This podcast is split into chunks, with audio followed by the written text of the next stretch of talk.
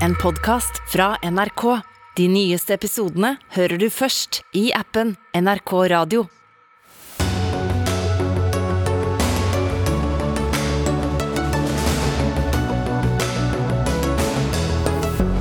Apotekene vil bli kvitt plikten de har til å selge homeopatiske legemidler.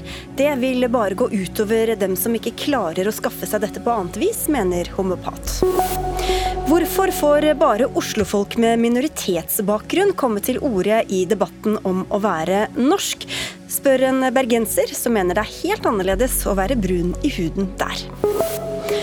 Økologisk mat er noe jåleri, mener Fremskrittspartiets Ungdom. Ikke hør på dem, advarer Økologisk Norge. Og barne- og familieministeren sammenligner surrogati med menneskehandel. Helt hinsides, mener en MDG-byråd som ber statsråden tenke på barna. Dette er blant sakene Dagsnytt 18 har å by på i dag, med Sigrid Solund i studio. Men også i dag begynner vi med streiken i luftfarten, der presset øker på partene. Arbeidsgiversiden, NHO Luftfart, overrasket i går med å varsle lockout fra natt til søndag. Da stenger de ned driften, noe som kan lamme mesteparten av flytrafikken både i Norge og inn og ut av landet. Lockouten kommer som svar på streiken fra Norsk flyteknikerorganisasjon, NFO, som krever 17% lønnsøkning. En lockout kommer også til å omfatte ambulansefly, og dermed potensielt ramme liv og helse. Og I så fall kan konflikten ende med at staten griper inn med tvungen lønnsnemnd. Og Er det dette dere vil oppnå med å gå til eh, lockout, Ole Erik Almli? Du er administrerende direktør i NHO. Nei, vi vil ha de tilbake til forhandlingsbordet. Vi har opplevd at det ikke har vært å rikke, og nå har vi sagt at nå er det alvor. Mange rammes, mange passasjerer rammes. Mange selskaper rammes, og nå må vi få alvor inn i situasjonen. og Da har vi sagt ja, nå må vi dere tilbake til forhandlingsbordet med realistiske krav, og ikke snakke om 17% Men hva ser du på som sannsynligheten for at dette trekket kommer til å føre til tvungen lønnsnemnd? Det vet jeg ikke. Vi får se på det. Vi har god dialog med selskapene våre nå for å se dette med helse og sikkerhet, og så vil vi eventuelt få søknader fra de på dette. Men du sier til Dagsavisen i dag at vi forventer at tvungen lønnsnemnd blir vurdert? Hva mener du med det? Det forventer vi at det blir vurdert fra myndighetene fortløpende, men det er jo helsemyndighetene og ikke vi som skal vurdere det. Våre selskaper vurderer om dette er fare for helsesikkerhet, og da vil de eventuelt sende søknad til oss om å få dispensasjon på det. Vi kommer til det. Altså Flyteknikerne som du sier, krever 17 høyere lønn. Det er jo langt over det de fleste, aller fleste får. Og hvis dette går til tvungen lønnsnemnd, hva vil du si er sannsynlig at de faktisk får?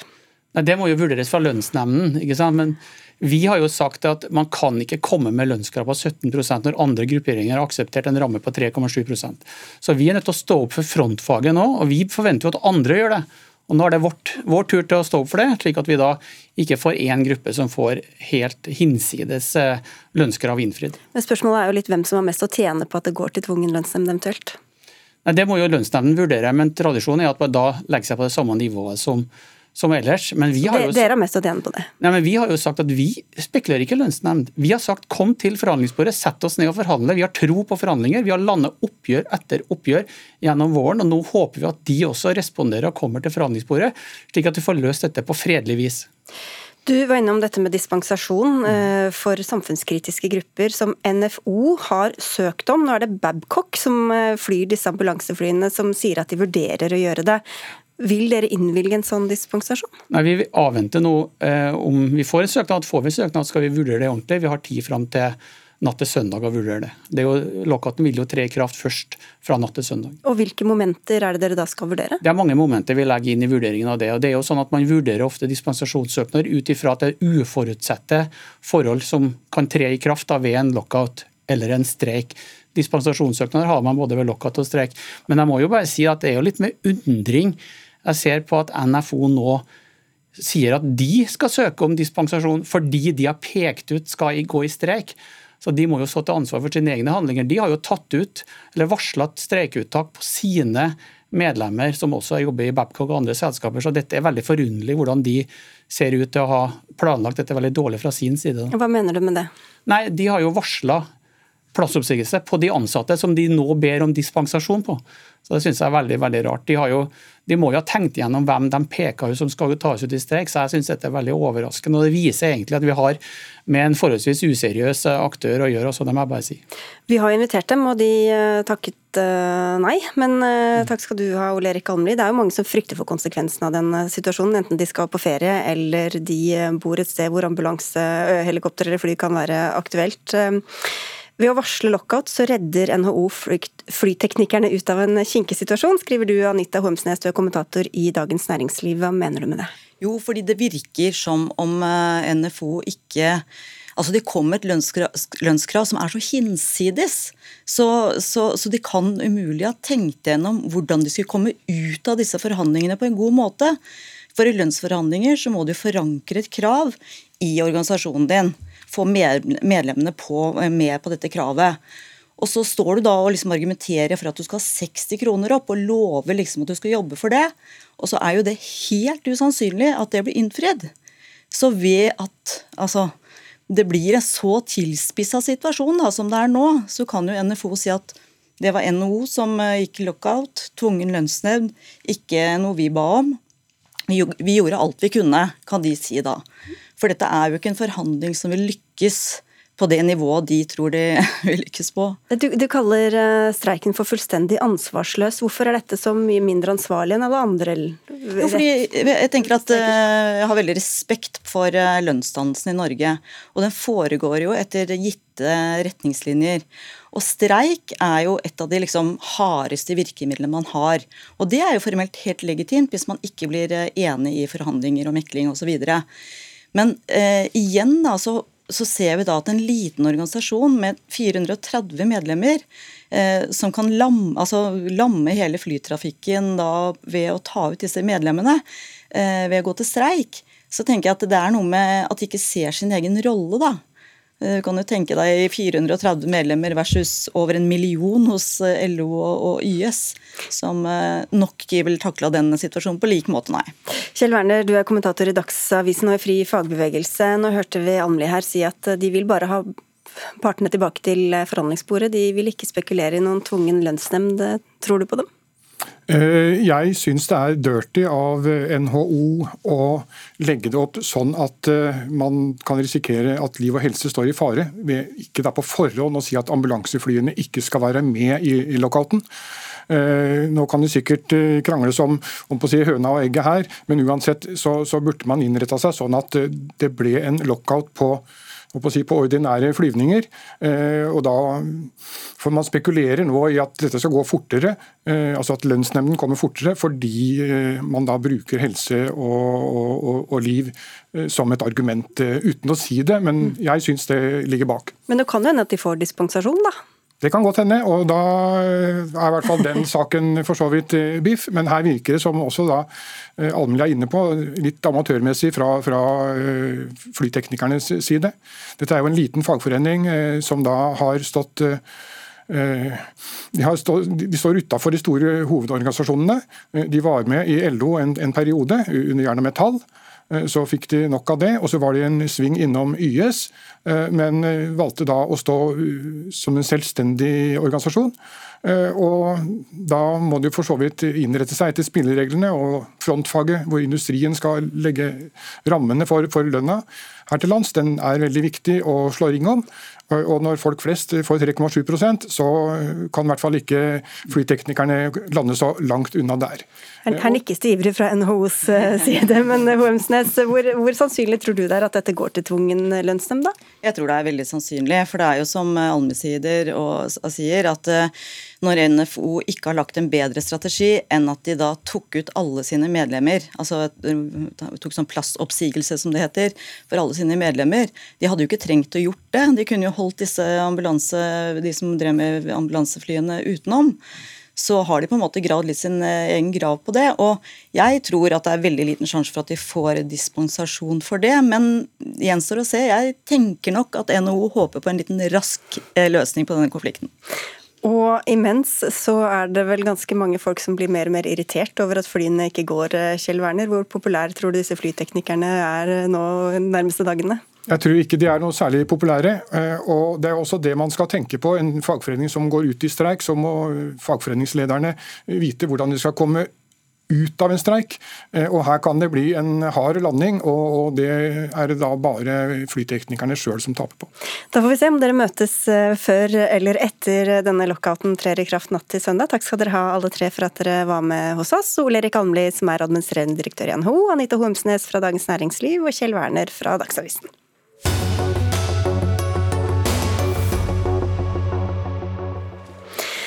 Bør apotekene være nødt til å selge homeopatiske legemidler? I dag må de faktisk skaffe slike tabletter eller nesesprayer eller andre produkter til dem som spør. Homeopatisk medisin er ekstremt fortynnet, men er klassifisert som legemidler. Og dermed har apotekene også lovfestet leveringsplikt. Men sånn vil ikke dere ha det, Hanne Andresen. Du er fagdirektør i Apotekerforeningen, og hvorfor ikke det? Nei, Vi mener at en leveringsplikt legitimerer disse produktene. Og de har dårlig vitenskapelig dokumentasjon.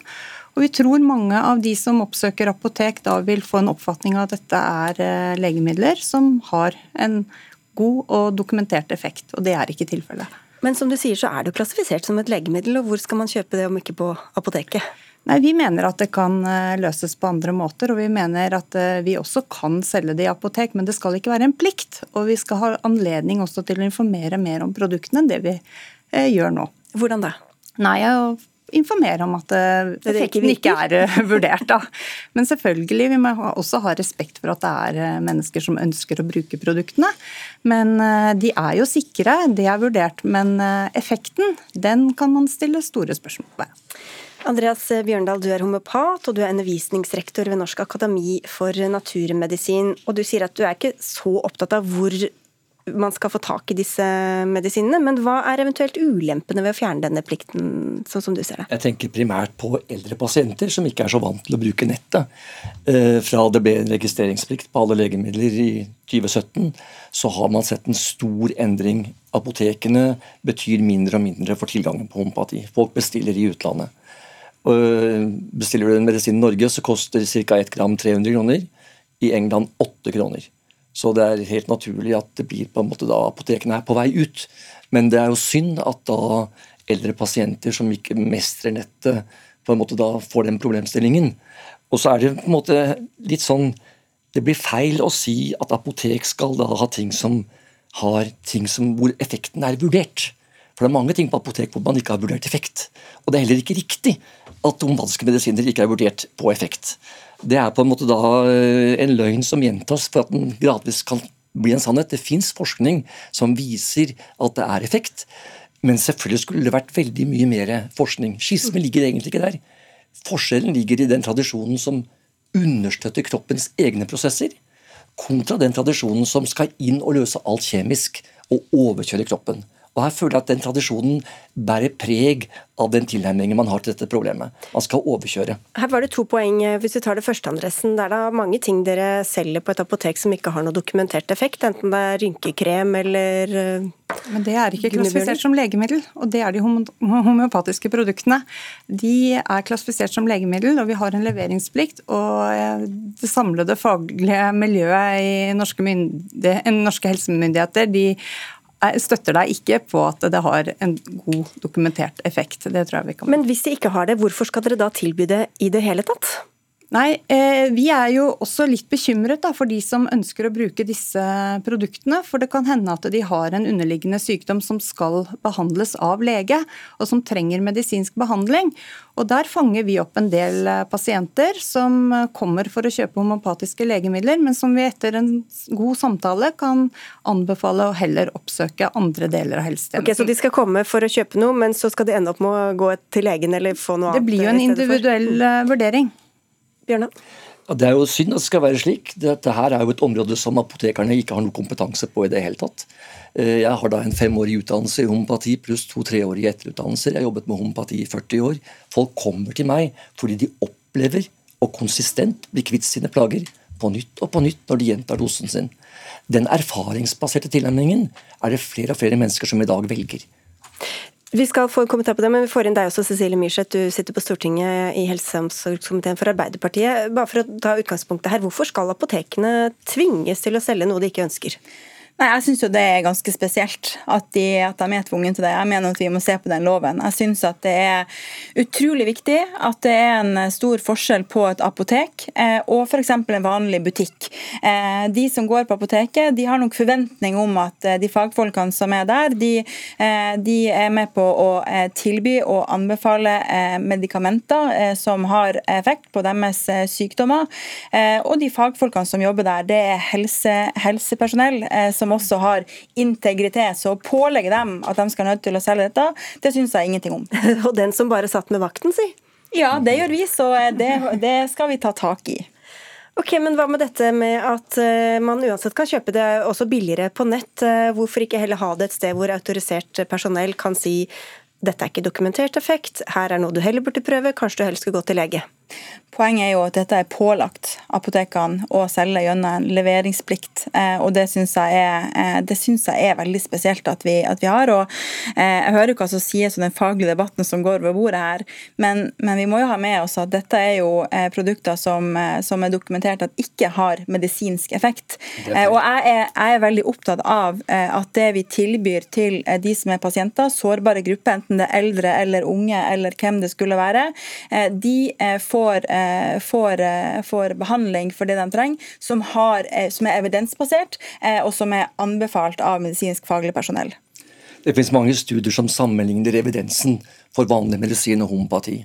Og der er det dessverre veldig likt. Antall positive studier, antall studier som ikke er gode nok til å kunne si noe, og antall negative er ekstremt marginale forskjeller på. Jeg tror det er ganske godt dokumentert at, det, eh, på hva som, hva som, er anbefalt eh, medisinsk bruk, enten det skulle være innenfor eh, psykisk helsevern eller somatikken eller kroniske sykdommer osv. Og, og det er veldig viktig at den informasjonen og de legemidlene som vi gir til pasientene, særlig gjennom apotek, det er medikamenter som vi vet har effekt, som helsepersonell går god for. Men Nå sier du jo Bjørn, at både at det er dokumentert, men samtidig at vi ikke skal være så opptatt av den dokumentasjonen, men at det bare skal være erfaringsbasert. Jeg sier at de som går til oss, den moderne forbruker, har fått en økende grad av autonomi på veldig mange ulike områder.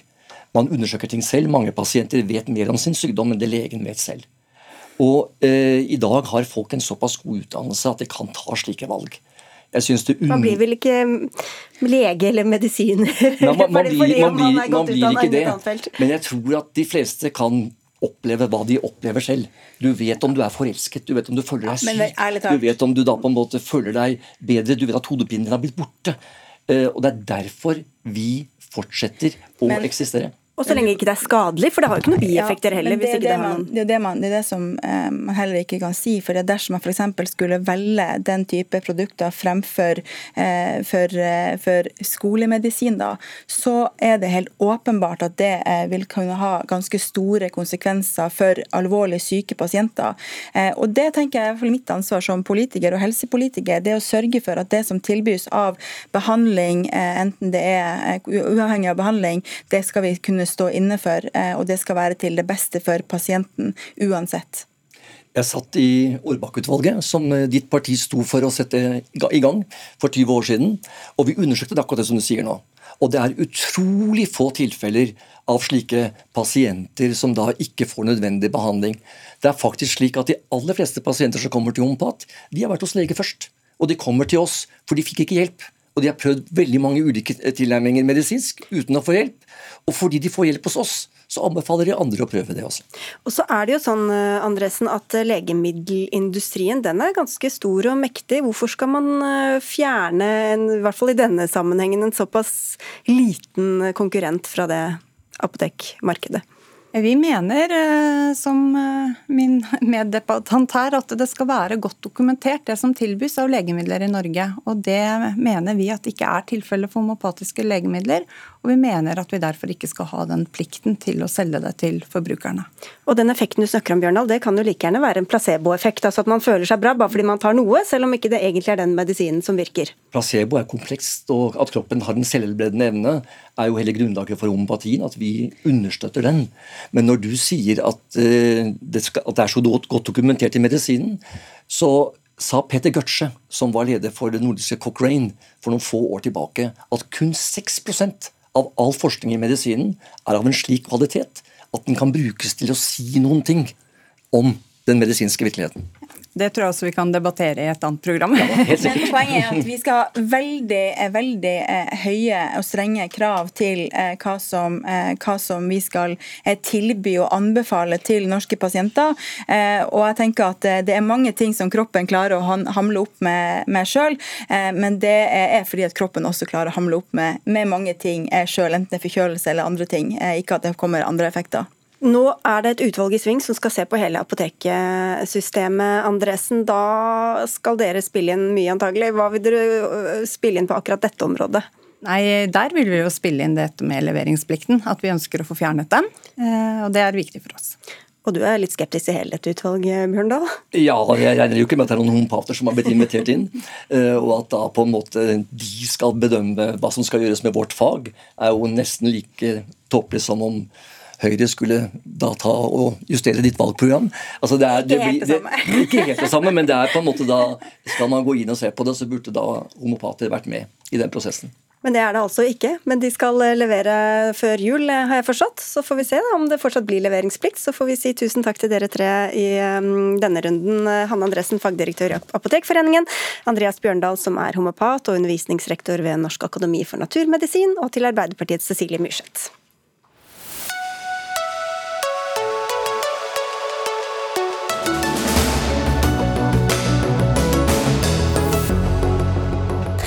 Hvor representativ er egentlig historien til en med minoritetsbakgrunn i Oslo, for andre med lignende bakgrunn, men som bor andre steder i landet? Spørsmålet har dukket opp i kjølvannet av diskusjonen om hvorvidt mennesker med annet etnisk opphav blir definert som og føler seg som eh, norske. Debatten førte bl.a. til boka Norsk nok, som samlet tekster fra 24 mennesker med minoritetsbakgrunn. Men Irene Kinunda Afrie, du har skrevet om dette i Bergens Tidende, der du er gjestekommentator. Ellers er du aktøransvarlig i det kunstneriske prosjektet Fargespill i Bergen. Og du kritiserer utvalget her, nemlig at flesteparten av disse 24 bor i Oslo. Hvorfor spiller det noen rolle? Ja, eh, å være Jeg vet ikke om jeg hører så dårlig. Å, oh, hører du meg nå? Ja. Ja. Jeg, jeg, litt forsinkelse. Ah, da skal jeg snakke litt sakte, da. Nei, det hjelper jo ikke. Eh, du, jeg sier du kritiserer at mange av disse bidragsyterne bor i Oslo, men hvorfor er det viktig? Ja, å være eller ikke være norsk, det er spørsmålet. Men eh, det er bare folk fra Oslo som snakker, eller folk som bor i Oslo.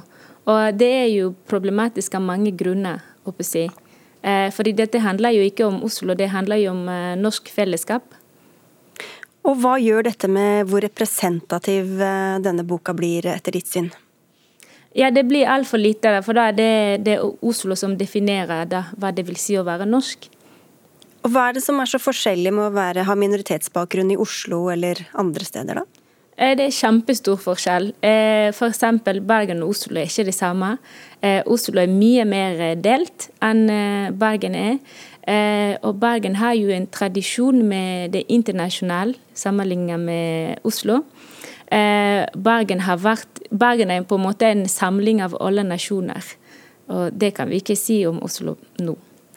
Malla Wagnavin, du er redaktør av denne boka Norsk nok. Hvorfor så tungt Oslo-utvalg?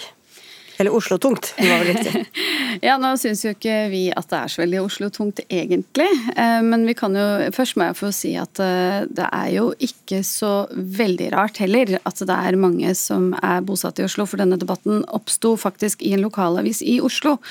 Så noen av de som kastet seg på debatten, har jo faktisk da et forhold til denne byen og denne avisen som eh, startet debatten. Men du kunne jo startet et annet sted, eller lett etter andre stemmer? Jo, det kunne vi selvfølgelig, og det gjorde vi også. Eh, og da forlaget og jeg begynte å jobbe med denne boken, så var vi jo faktisk veldig bevisste på at en del av de stemmene som var eh, med i debatten, som vi ville ha med for å dokumentere den debatten som var i våres rundt norsk identitet, altså de var jo de, Vi kunne ikke gjøre noe med det. Det var jo noe som skjedde organisk, og det dukket opp i flere aviser aviser, og flere riksdekkende aviser, og også på NRK. Så de var jo, måtte jo med, og uavhengig av hvor de bodde. Og Det samme gjorde vi når vi da skulle hente inn nye stemmer, så var vi veldig obs på at vi skulle ha en god representasjon. Vi diskriminerte jo ikke så veldig mye ut ifra hvor folk faktisk hadde adressen sin, men vi var veldig opptatt av at vi skulle ha inn perspektivet fra Sápmi, vi skulle ha jødenes historie, eller perspektiv, vi skulle ha eh, alle, liksom hele Norge godt representert. da. Men det eh, som er litt sånn, og vi har jo også faktisk Bergen med. Eh, vi har i boken så er jo Lisa S.O.L. Knutsen, som er bergenser, skrevet om sin oppvekst i Bergen bl.a. Og vi hadde også kontakt med en annen bergenser om å skrive boken, men som takket nei. Mm. Frie, hvorfor var dette med geografi så viktig hvis, hvis de har vært så opptatt av mangfold ellers? Oh, nei. var det et spørsmål til meg nå? Ja. Hvorfor? Ja. Nei, hun sier at de lette ja, nei, til mange det kom, ja. det kom perspektiv, ulike perspektiver i boken, men um, det er bare de som Som nevnt igjen, det var bare Det var f.eks. to politikere fra Oslo. Det var helt unødvendig. Hvorfor ikke en politiker fra Bergen, f.eks.? Det var plass for en politiker der. Og, så Bergen ble ikke behandlet som andre største by. Uh, og selv om det kommer perspektiver fra andre steder, det var igjen overveldet av folk som bor i Oslo. Så det er spørsmålet må man flytte til Oslo for å være med og mene noe om norsk fellesskap. Altså, De færreste i boken er fra Oslo. Eh, det kan hende at, de, i, at, mange av dem bor i Oslo akkurat nå, men det er jo ikke sikkert at de blir boende her av den grunn. Alle har jo sin egen reise her i livet. Eh, men så er det også det perspektivet at det bor jo tre ganger med så mange i Stor-Oslo enn det er i Bergen, minst. og det, Derfor syns jeg det er litt rart å etterlyse flere bergensere. Og når jeg leser innlegget ditt, så syns jeg at du har ganske mange gode poenger Irene, med, med dette med eh, hvordan Bergen blir behandlet i nasjonal sammenheng på dette med arkitektur osv. Men jeg forstår ikke helt hva du egentlig etterlyser fra boken. For det, det er litt uklart for meg. Skulle vi ha spurt enda flere bergensere? Det, det blir jo litt rart perspektiv. Dette her handler jo om bindestreksnordmenn, ikke bindestreksbergensere. Nei, ikke bare flere bergensere. Oi, unnskyld hvis jeg Nei, kjør på. Det går fint. Nei, det, for det handler også om uh, uh, å invitere hele landet med på samtale. Mm. Fordi når det er flertall av de som skriver er i Oslo, da er det bare Oslo som snakker. Og vi blir ikke med, resten av landet blir ikke med uh, i samtaler i en så viktig debatt. da. Jeg, jeg syns det hadde vært fint å høre også om, å invitere hele landet med, ikke bare bergenser. Ja, for Når du beskriver hvordan det er i Bergen, så høres det ut som det egentlig er stikk motsatt av hvordan det kanskje er rundt omkring på landsbygda eller i små byer eh, i, i Norge? Nå fikk jeg ikke det med meg. du sier at Bergen er mer en verdensby, der lever alle mer, eh, mindre polarisert eh, side om side. Men eh, nå skal ikke jeg si noe om hvordan dette er rundt omkring i landet, men jeg vil jo tro at det, det kanskje ikke heller ville vært representativt for alle steder rundt i Norge? Absolutt ikke, men meningen er bare at når vi snakker om det å være norsk, og norsk fellesskap og norsk identitet, så er det forventet at eh, kanskje hele landet eh, bør være med i den debatten. Mm, og det er det jo. fordi altså det, det, er jo For å snu det litt på hodet, da. Jeg syns det er litt arrogant å frata bokens eh, forfattere deres livserfaring og personlige opplevelser, som på ingen måte bare er knyttet til Oslo. Og den bergenseren som er med i boken, skriver jo nettopp om det å vokse opp i Bergen, og hvordan hun opplevde det. Og for å være helt ærlig, så må jeg si at som redaktør av boken at ikke jeg syns kanskje den opplevelsen gjenspeiles i det du sier om at Bergen er en mer internasjonal by, og at Oslo er mer delt. Eh, det blir jo en påstand påstand som bare svever der ute, og det er selvfølgelig helt legitimt å mene det. Men vi har jo blitt kontaktet av biblioteker over hele Norge, forlaget og jeg, som ønsker å debattere og ta utgangspunkt i denne boken. Så at det er nasjonal interesse for boken, som for øvrig er utsolgt fra forlaget nå, som kommer nytt Nei, Nå må jeg stanse deg før det blir for mye reklame her. Så, men, men den har klart å skape et nasjonalt um, et nasjonalt engasjement, mener jeg, da. Ok, mm. Da stanser vi der. Takk skal dere ha begge to. Malavang Navin, som altså er redaktør av boka Norsk nok, og Irene Kinunda Afrie, som er gjestekommentator i Bergenstidene.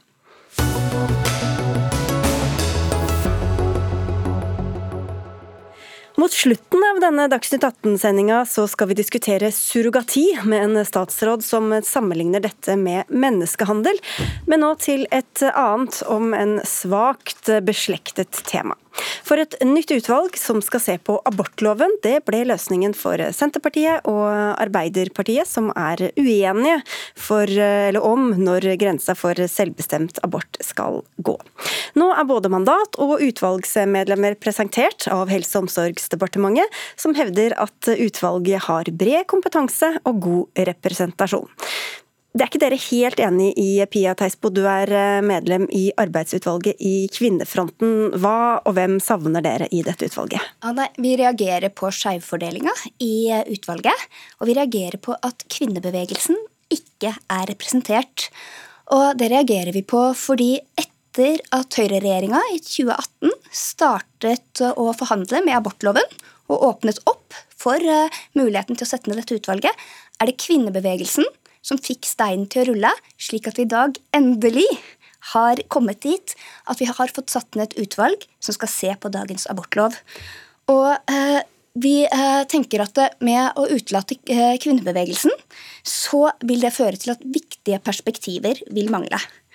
Og kvinnebevegelsen har, har, eh, nominert svært kompetente kandidater til utvalget. og Derfor reagerer vi veldig på at vi er utelatt. Ja, blant andre har dere særlig ønsket Mette Løkeland, som er gynekolog og overlege for eh, abortregisteret. Hvorfor er hennes stemme så viktig? Det er ingen annen medisinsk fagperson i Norge som er mer kompetent til å sitte i dette utvalget enn Mette Løkeland.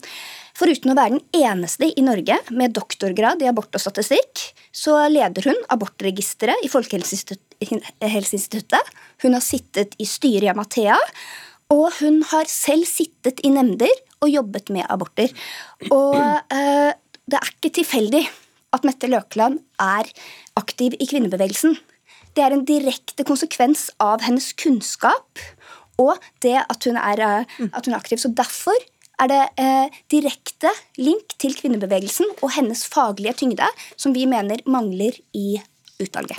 Og dere har jo spilt inn navn. Eh, dere ble altså ikke hørt. Statssekretær Karl Christian Beking i Helse- og omsorgsdepartementet. Hvorfor lyttet dere ikke til innspillene fra kvinnebevegelsen?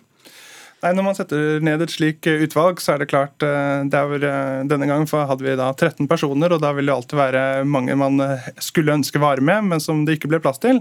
Og Det vi har sett på, er jo mandatet for utvalget, altså, som ligger i Hurdalsplattformen. Man skal se på abortlovens bestemmelser, oppfølging av kvinner som opplever å vurdere svangerskapsavbrudd, og vurdere alternativer til nemndene også da inkludert muligheten for utvidelse.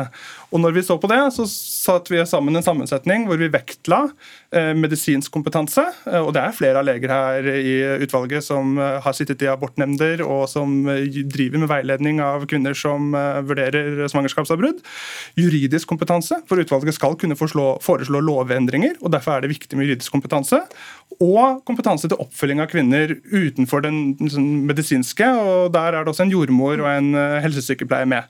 Også, men, jeg bare sier, Vi trenger ikke å snakke så lenge om akkurat henne, men vi har invitert henne, og hun syntes ikke det var helt naturlig å stille opp akkurat i denne sammenhengen. Men hun er altså en veldig erfaren forsker. Hun har tatt doktorgrad på provosert abort. Hun leder som sagt abortregisteret. Hvorfor er det svakere medisinsk kompetanse enn dem som dere endte opp med? Jeg skal ikke sitte her og, og sette den ene medisinske kompetansen opp mot den andre, men jeg syns uh, mange av de legene som er med i dette utvalget, og det er mange leger, har tung kompetanse på dette feltet. Men dere har jo veid dem opp mot hverandre når dere har bedt noen og ikke andre, da. Men så er det også andre faktorer, som geografi og alder. Altså, vi har også ønsket å ha et utvalg hvor halvparten av medlemmene er under 50. Og det er vel andre som mener noenlunde det samme som henne, Theisbo, selv om hun ikke er aktiv i kvinnebevegelsen? Ja, men det er uten tvil ingen i Norge med den samme kompetansen som Mette Løkland. Hun uh, hakker av på alle punktene som skulle til for å være med i dette utvalget. Eh, samt at hun da har den unike kompetansen at hun faktisk var nominert av fem ulike organisasjoner. Eh, og at eh, hun hadde Hun, had, hun har kvinnebevegelsen bak seg og har nettopp dette kvinneperspektivet fra den organiserte kvinnebevegelsen, som er så viktig å ha med inn i dette okay. utvalget. Og så var det noen som Dere ble ikke hørt, men det ble Foreningen Menneskeverd, som også snart skal komme til orde. Men dere reagerer på at de fikk to av sine nominerte inn i utvalget. Hvorfor er det så farlig? Ja, Vi reagerer ikke på at menneskeverd i seg selv er med i utvalget. Det vi reagerer på, er at kvinnebevegelsen er utelatt når menneskeverd er med. Fordi det blir satt opp en sånn Vi ser at det er flere svært kompetente eh, personer fra kvinnebevegelsen som er nominert. Eh, og så har menneskeverd fått to av sine representanter. Eh, og da blir det en sånn slags ja, si, en falsk likhetstanke her, da, om at eh, kvinnebevegelsen den skal være så Tilknytning til kvinnebevegelsen er vanskelig for oss da, å se dette på en annen måte enn at tilknytning til kvinnebevegelsen automatisk gjør deg radikal, eller gjør at du på en måte eh, lett blir utelukket fra slike utvalg. Men menneskeverd som går i den andre retningen, som er en organisasjon som jobber for å gjøre abort vanskeligere for kvinner, har fått to svært konservative mm. representanter inn. Hvordan kan man lese det annerledes enn det, da, Bekking? Ja, det her vil jeg understreke at En ting vi ønsket å ikke gjøre dette til, er at man skal sitte i dette utvalget som en representant for en eller annen bevegelse, det være seg menneskeverd eller kvinnebevegelsen, eller andre som også har spilt inn her. Da har vi fått innspill fra trossamfunn osv., og vi mente at det skal vi ikke. Du skal sitte her med fagkompetansen i grunn. Og eh, Kvinnebevegelsen bør berømmes for den jobben som er gjort for å drive denne kampen etter det som skjedde under Solberg-regjeringen. Og jeg kommer fra et parti som ønsker en utvidelse. Og en ting vi har sett på, og som har vært en enighet eh, med begge partiene etter regjeringen, er at det er en balanse i de som f.eks. har et offentlig syn på utvidelse eller ivaretakelse av dagens uh, abortlov. Og det er det i dette utvalget. Ok, Maria Elisabeth Selbekk, du er informasjons... Her står det bare 'Informasjonsutvalget menneskeverd'. Informasjonsansvarlig. Nettopp. Eh, ja, dere har fått gjennomslag for to. Dere nominerte Kvinnefronten ingen. Hvordan leser du det? Vi har foreslått fem ulike navn, og to av de er tatt med i utvalget. og De er på ingen måte representanter for menneskeverd. De representerer seg selv, sin fagposisjon, sin, den institusjonen de kommer fra. Vi har ikke kontaktet disse på forhånd. Men, men dere vet hvor de står? Det vet vi, men vi har tatt utgangspunkt i faglig, hvilken faglig kunnskap og bredde må være representert i dette utvalget. Vi, et av de navnene vi foreslo, er også en gynekolog som står ganske langt fra menneskeverds eh, linje på abortgrense og nemnd. Og Det gjør vi fordi vi ønsker at, at utvalget skal være representativt. Denne gynekologen vi foreslo, hun har kompetanse på bl.a. abortpress, som vi også tenkte er viktig å ha representert. Så de representerer seg selv, og det er ikke noe menneskeverdsstemme inn i dette utvalget. Men nå har det seg slik at uh, Morten Mangelsen han har vært deres uh, leder for, uh, for uh, deres faglig-etiske råd i mange mange år. Han sitter altså i utvalget? Han, sitter i utvalget og er nominert av dere. Han sitter også i bioteknologiloven. Ja. ja han, sitter, han, sitter, flere steder. Men han har sittet, han har, begge representantene dere har fått inn, har, blir aktiv, har klar, klar tilknytning til dere som organisasjon. Eh, Bondstein blir aktivt brukt som foredragsholder av dere. Eh, hun, eh, dette, dette, er et Google-treff unna, så ser dere at dette er en duo dere til og med har brukt sammen under forrige, uh, uh, i løpet av året til deres arrangementer. Og Hva håper du de skal bringe med seg, f.eks. når det gjelder hvor abortgrensa skal gå, da, Selbekk, inn i dette vi tenker at alle perspektiver skal være synlige i eh, dette utvalget. Jeg stoler på at Helsedepartementet har gjort eh, et grundig arbeid i å undersøke de ulike bakgrunnene. Nå er det flere navn i dette utvalget som ikke vi kjenner også, men Kristin Holanger Bodensten og Morten Magelsen representerer seg selv. Morten Magelsen sitter i vårt fagutvalg, og det er fordi han er en ekspert og professor på medisinsk etikk. Menneskeverd er opptatt av medisinske spørsmål rundt liv og død, og det er helt naturlig at vi har tilknytning eller kontakt med han. Beking. Og det vi etterstrebet her, er balanse. Altså Magelsen har også med seg en annen medisinsk etiker som har en ganske annen inngang. Og eh, også et annet eh, av de representantene som eh, ble oppnevnt som ble foreslått av Menseberg, kan også jordmor. møtes av en, en, jordmor, kan også møtes av en lege som har et veldig tydelig standpunkt på utvidelse. Så ja, man kan google og se på at disse medlemmene faktisk har en balanse. Og så skjønner jeg at eh, det er skuffende at de man foreslo, ikke kom med. Eh, her er det veldig mange ting vi må se i sammenheng, men den balansen som du etterspør, den mener jeg er ivaretatt ivaretatt. Men uh, altså, det er jo ikke, Kvinnebevegelsen er jo ikke blitt uh, representert her. Det er jo ikke ingen av kvinnebevegelsen, og det er jo ikke bare min organisasjon jeg snakker om. Det er jo et bredere spekter av uh, representanter fra kvinnebevegelsen, hvor ingen av de har, blitt, har kommet igjennom. Og ikke, Problemet her er jo ikke at menneskeverd har representanter. Problemet er at det, på en eller annen måte så blir det eh, trukket fram for å skape balanse. Og så blir vi, eh, blir kvinnebevegelsen eh, plassert utenfor og satt som et eller annet ekstremt, bare fordi våre svært faglig dyktige eh, eh, nominerte er tilknyttet oss, er slik vi tenker.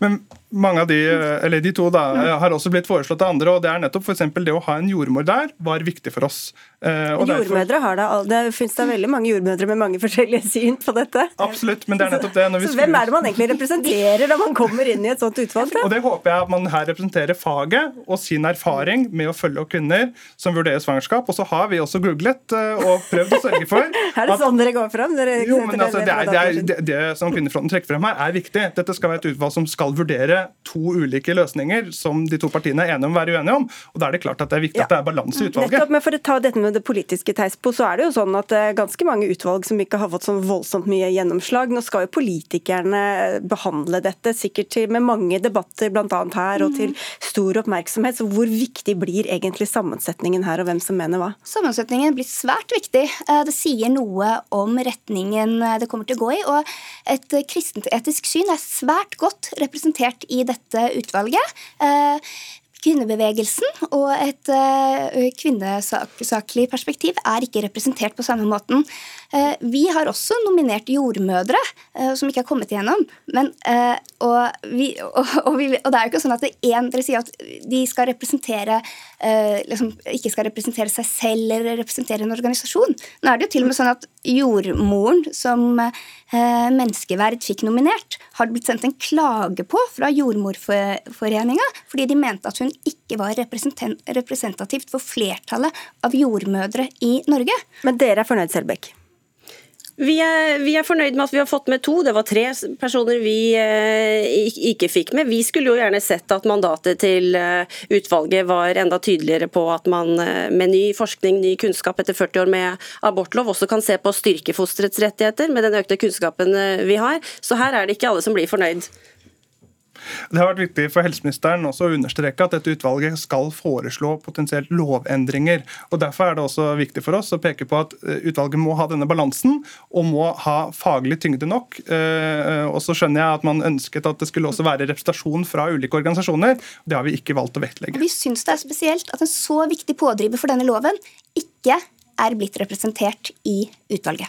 Vi får følge dem eh, i arbeidet videre. Så får vi si takk skal dere ha til dere tre. Pia Teisbo fra Kvinnefronten, Carl Christian Beking, statssekretær fra Arbeiderpartiet, og Marie Elisabeth Selbekk fra Menneskeverd.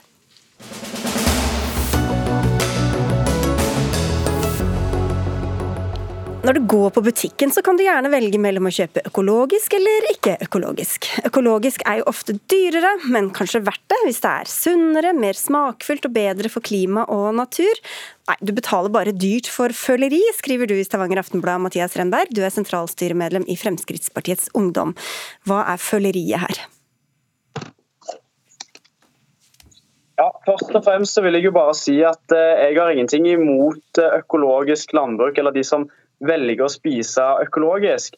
Men eh, mitt engasjement i denne saken her, den starta når jeg så eh, Folkeopplysningen her på NRK, hvor jeg ble overraska over hvor lite dokumentasjon og forskning som finnes på de konkrete påståtte fordelene med økologisk jordbruk. Jo mer jeg leser, og jo mer eh, overraska jeg ble over hvor mye synsing og føleri som preger den lille debatten vi har om økologi. Jeg synes også det er problematisk at vi nesten aldri stiller spørsmål med dette temaet. Vi pøser på med skattepenger for å subsidiere økologiske bønder, og vi har romslige støtteordninger for å påvirke folk til å velge økologisk. Men nesten ingen stiller spørsmålstegn om hvorfor vi skal satse så mye på dette. her. Så når EU har satt seg mål å øke produksjonen av økologisk mat til å dekke 25% av jordbruksarealet innen 2030, så burde du bare se på folkeopplysningen, eller hva er det du vet som ikke de vet? Altså, det vi har med jordbruksareal er det å, det å, det å rive urørt natur til, til, jordbruk det er veldig inngripende overfor naturen. Og Med økologisk landbruk så må man ha mer areal for å drive landbruk. Det er heller ingen forskning som sier at det er mer effektivt med økologisk landbruk. Tvert imot, per produserte enhet så er konvensjonelt landbruk klart det bedre alternativet. Markus Hustad, du er daglig leder i Økologisk Norge. Er det bare føleri dere holder på med? Nei, det er jo absolutt ikke føleri. Og som du også nevner her, så er det ikke føleri heller når EU setter seg ambisiøse mål om en fjerdedel av landbruksarealet, at det skal være økologisk. Um, det vi um, ønsker å fokusere på uh, i denne sammenhengen, er jo forskningen. Um, økologisk landbruk er mye bedre for helsa, det er bedre for miljø, og det er det mye nyere forskning som viser. Og Vi er jo ikke overraska over at FPU kommer med rakking ned på de bøndene som ønsker å produsere mer miljøvennlig. Han sa det ikke var det han gjorde. Nei, men han kaller det likevel føleri når de bøndene legger om og drifter mer miljøvennlig. Hvor, eh, hvorfor har ikke du lest denne forskningen da, Renberg?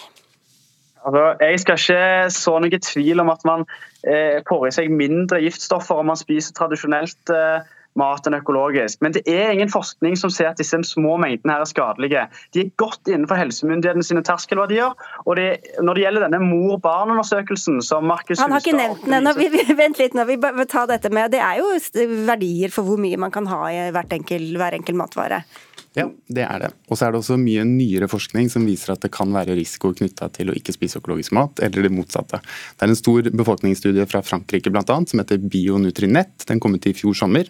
Den viser at de som spiser mer økologisk, har mindre risiko for bl.a. diabetes type 2 og kreft.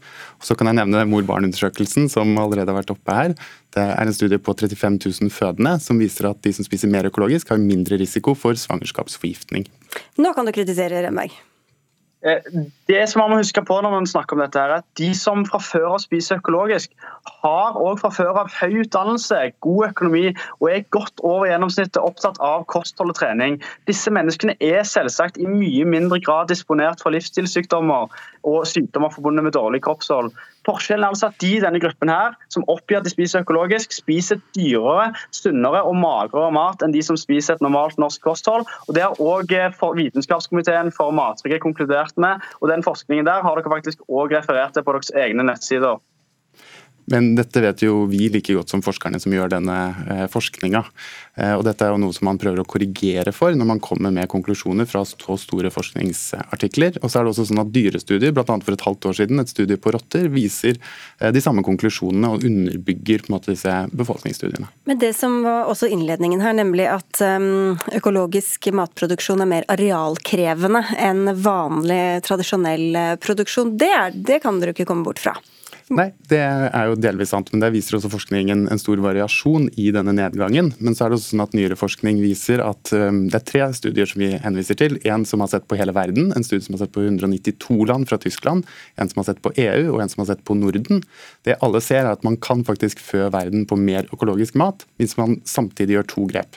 Det ene er at man må spise eh, mer eh, plantebasert, og det andre er at man må slutte å kaste så mye mat. Så mer økologisk er fullt mulig på det arealet vi har i dag. Remberg? Altså, det må vi huske på at Økologisk landbruk er ikke på noen slags måte bærekraftig. Det vil være helt umulig å legge om verdensproduksjon eller matproduksjon om til økologisk landbruk. Og Da blir dette her en ting for de rike i Vesten de rike jo barn i Vesten. Syns du dette her er rettferdig? At det er bare vi som har råd til å ta oss dobbelt så mye betalt for økologisk blomkål, skal nyte dette. her. Og Dette er jo med premiss om at det i det hele tatt har en effekt. Men at folk som har råd til det kan betale for det, må vel være helt i tråd med Fremskrittspartiets ungdomsideologi, eller? Det er helt klart. Man skal ha valgfriheten til å velge det man vil, og da må man selvsagt òg være villig til å betale for det. Kan jeg nevne eh, noe knytta til eh, noen påstander som har kommet her? Det er jo forskning som viser at økologisk landbruk per areal gir ut 20% mindre klimagassutslipp. Det kan være mellom 22 til 35% mindre energikrevende. Det er 30% mer biomangfold på en økologisk gård. Eh, og det kan være 50% flere individer. Så Det som nevnes her om at det ikke finnes forskning på at økologisk er bedre for miljøet, det stemmer ikke. Men at det er så veldig mye sunnere, det er det ikke så mye forskning på?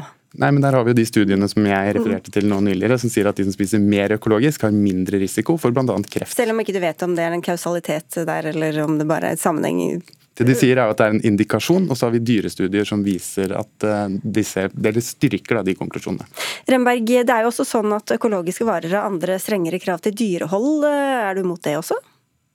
Nå er det sånn at eh, Kravene til dyrehold i Norge er, er, allerede veldig bra, og dette opplever man ikke som et stort problem. Så har man selvfølgelig visse avvik fra regelverket, men det økologiske regelverket for dyrehold skjerper ikke inn på noen betraktelig måte som vil gjøre det noe bedre. For dyrene i Norge de har det allerede veldig bra om man følger regelverket. Det skjerper jo ganske mye inn når det kommer til dyrehold, både på hvilket fôr dyrene får, men ikke minst på at dyrene har mye mer utegang, som er veldig viktig for trivsel og dyrevelferd.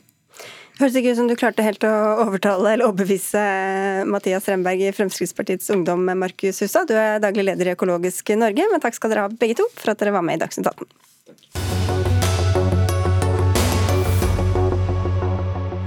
Så til et eh, nokså kontroversielt eh, tema. NRK-reportasjene om enslige Ørjan som betalte 1,4 millioner kroner for å få barn, har satt eh, fart i debatten om surrogati.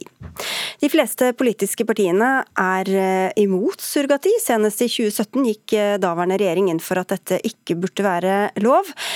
En av dem som eh, nå, i etterkant av disse reportasjene, har engasjert seg, er deg, barne- og familieminister Kjersti Toppe fra Senterpartiet. Du sa til nrk.no at um, å få barn ved hjelp av surrogati kan sammenlignes med menneskehandel. Hvordan begrunner du den sammenligningen? Eh, det er jo sånn at eh, Sider ved surrogati det øker iallfall risikoen eh, for menneskehandel. Det står jo faktisk òg på regjeringens side om surrogati. Vi fraråder jo bruk av surrogati nettopp fordi at det er en risiko for at det kan skje menneskehandel. Så forstår jo jeg at det kan Eh, det er en debatt eh, der det er, eh, er, er barn og det er, er, personer som har nytta seg av surrogati. Så dette er jo et, et, vanskelig felt å debattere. Men det, det som opptar meg, er jo at jeg er veldig imot surrogati. Det er jo òg resten av Stortinget. Kanskje derfor det står på regjeringens hjemmesider, da? ja, men, men, det at det er en, en fare for utnytting, utnytting av sårbare kvinner, fattige kvinner ofte, dårlige kår, og barn sin sine eh, rettigheter. Det er det som, som, gjør at jeg mener at eh, surrogati fremdeles ikke skal være tillatt eh, i Norge. Så menneskehandelen den består da av kvinnene som føder og går gravide, og ikke av barna, eller hvem er det som blir handlet med egentlig? Det er jo sånn at Dette er jo et kommersielt marked, det er jo en industri. Og det er jo slik at det blir på en måte gjort en, en økonomisk avtale. Det er jo en kommersiell form for surrogati.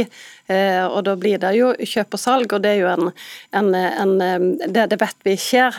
Det som jeg er opptatt av, at det er en del etiske problemstillinger, og det er en del fare for utnytting. Særlig så er jeg opptatt av at dette kan føre til utnytting av sårbare kvinner, fattige kvinner og Da tenker jeg at det er, fremdeles skal være en ramme for, eh, for, assistert befruktning i Norge, det at en ikke skal nytte seg av surrogati. Hanna Markussen, du er byråd for utvikling i Oslo for eh, Miljøpartiet De Grønne, og du er en av flere som har reagert på det Toppe har sagt. Hva er det som hun sier som er så farlig? Det jeg reagerte aller sterkest på, det var at uh, Toppe sa at uh, hun mente at man burde straffeforfølge uh, personer som har fått barn gjennom. Ja, for det, ikke, det, gjør man ikke i dag. Selv om det er ulovlig å gjøre det i Norge, så blir man ikke straffeforfulgt. Nei, man blir ikke straffeforfulgt. Og situasjonen i Norge i dag er at vi har mange barn i Norge i dag som har blitt til nettopp gjennom surrogati. Og det jeg opplever da at barneministeren faktisk kommuniserer til disse barna, er at jeg mener at dine foreldre burde straffeforfølges fordi de har fått deg. Det syns jeg er et veldig hardt budskap å gi til barn når man er minister med nettopp ansvaret for barn. Det syns jeg er et hensyn som man må, må, veie tungt i denne båten. Og så er det jo også sånn nå Men bare for å høre, Hvordan tror du det oppleves at barneministeren sier at foreldrene bør straffeforfølges? Mm. Nei, Jeg har jo i, i, i, hele denne debatten, i, i, ti år som jeg har deltatt i den, så har jeg alltid vært tydelig på at barna skal ivaretas. Vi skal gjøre alt det vi kan i Norge for å ivareta deres rettigheter. Eh, barn er barn, eh, de norske statsborgere, og det skal ikke gå utover dem. Samtidig så må vi kunne ha en diskusjon om vi mener at eh, surrogati skal være tillatt. Og så er det jo sånn at ingen parti, heller ikke Miljøpartiet De Grønne, mener at dette skal være tillatt. så at den, den følelsen som barna og foreldrene må ha, den eh, er jo òg litt uavhengig av om en tok bort straffebestemmelsen eller ikke. Det er fremdeles slik at dette ikke er tillatt i Norge. Eh, og jeg mener at det fremdeles skal være sånn, men debatten får jo det til å få inntrykk av at det er mange ja. som er for dette her. og okay, det er ikke tilfellet. Men at noen blir såra, skal man la være å si hva man mener for det, eller Markussen? Nå mener jeg at eh, jeg må skille, og dette er ikke nå en debatt om surrogati, men hvordan man kommuniserer med alle de barna vi har i Norge som er blitt til gjennom surrogati. Eh, og jeg mener at når man innehar rollen barne- og familieminister, så må man tenke på hvordan det man kommuniserer faktisk blir oppfattet av barn. Men hvis hun mener at man skal bli straffefull, skal hun da la være å si det pga. hensynet til barna? Jeg mener, og nå, nå, nå, uttrykte vel Toppe dette også som sin personlige mening. Eh, og da tenker jeg at når man er barneminister, så bør man tenke over at man kanskje ikke skal ha en personlig mening som faktisk kan oppleves ganske sårende for mange av barn i landet. Og så er det en annen ting som jeg også har lyst til å trekke inn i debatten. Og det er at nå er det noen av disse barna som har blitt gamle nok til å delta i debatten selv. Det er kjempeflott. Og blant annet så har noen av disse tatt opp problemstillingen man har med at Pga. norsk lovverk så har noen av dem stått uten juridiske foreldre i Norge i noen år.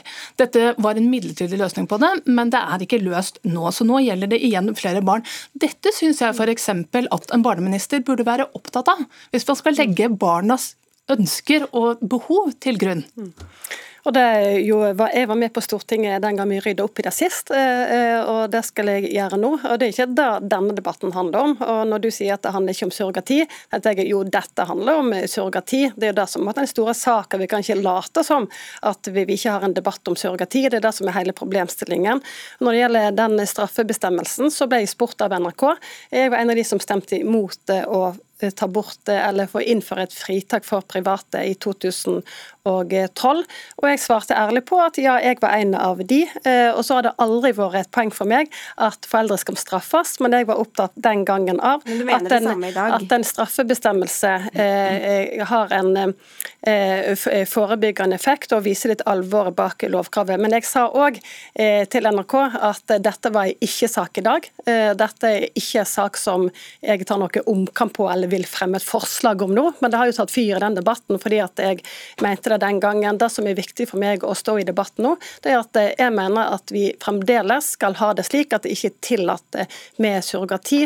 Eh, og Vi ønsker gjerne den debatten velkommen. Jeg tror det er mange som er opptatt av dette, her, og vi må kunne ha den debatten på en seriøs måte. og Jeg mener at jeg ivaretar alle barn i Norge, uansett hvordan de er blitt til, og det er veldig viktig for meg å presisere. Ja, Da synes jeg at man må også tenke gjennom konsekvensene av, selv om dette ikke er Og jeg vet også hvordan media fungerer, og at kanskje noe for større oppslag enn det man hadde tenkt det skulle gjøre. Men det er klart, i en sak som denne, når det er mange barn som nettopp er i denne situasjonen Og én ting var om, om man mente at noe foreldrene deres hadde gjort på noe annet, burde straffeforfølges. Men når man sier at faktisk det at foreldrene dine har fått deg, er noe jeg egentlig mener burde straffeforfølges, og man er eh, barne- og familieminister, så mener jeg at det ikke legger opp til den nyanserte og kunnskapsbaserte debatten vi har. Kan de andre statsrådene mene det, eller er det bare Kjersti Toppe som ikke kan si det? Eller? Jeg mener man har et særskilt ansvar når det er eh, innenfor det feltet man faktisk er ansvarlig statsråd for. Og så mener jeg selvfølgelig at vi som politikere primært eh, bør holde oss innenfor de plattformene vi er, sitter på. Det gjelder meg også som byråd. Men det er jeg mener det, man har et spesielt ansvar for det feltet. Det ville vært noe helt annet hvis man var på et helt annet felt og ikke hadde ansvar for nettopp barns beste og for alle barna i Norges beste. Og Hvis det uansett ikke er aktuelt, Toppe, hvorfor da fronte det eller svare på det på den måten, hvis det kan bli oppfatta så sårende for dem det faktisk gjelder? At, at, de får høre at mor eller far eller far da, særlig kanskje burde blitt straffet for å få deg? Mm. Nå er Det sånn at det er jo fremdeles ikke tillatt eh, i Norge. og det kan jo også være slik at Skal vi følge denne debatten helt ut, så kan de òg bli såra av at de blir til på en måte som er forbudt, som ikke er tillatt. ikke sant? Eh, så liksom at grensa går med at en straffebestemmelse blir tatt vekk eller ikke, den tenker jeg òg vi kan jo diskutere. Eller at du sammenligner Men, menneskehandel, da. Eh, ja, men det er en risiko for det. Og jeg tenker at surrogati er alvorlig. Det er jo en grunn til at vi ikke tillater det i Norge, og den debatten ønsker, ønsker jeg å ta. Eller egentlig, hvis du ikke vil ha menneskehandel og utnytting av sårbare folk, så burde du nettopp gjøre det i Norge, da, under ordnede former og uten betaling? Ja, Det er jo òg en diskusjon om så såkalt altruistisk surrogati. Eh, det er jo òg eh, om hva presset det blir på de kvinner, hvor eh, frivillig det egentlig er. Men det er jo òg en type debatt. Det er kun Venstre som går inn for, for det i, i, i, Norge. Men jeg tenker at en må kunne diskutere surrogati og rammene rundt det i, i Norge, uten at en skal bli beskyldt for, for, dette. Jeg skal ta ansvaret mitt for alle barn i Norge, uavhengig av hvordan de tampen, er blitt, eh, blitt til. Det, og nettopp i denne debatten så syns jeg det er viktig at man lytter og ikke har forutinntatte holdninger når disse barna som har blitt til på denne måten, faktisk er modige nok til å fortelle eh, historiene sine og ta opp konkrete, reelle problemstillinger vi har i okay. Norge i dag. Og alvor. Konkluderer vi med at det var medienes feil igjen, da, eller? Takk. Nei, ok. Ikke det. Takk skal du ha, alle begge to. Arneberg, Jens Jørgen Dammer og Sigrid Solund. Takker for følget.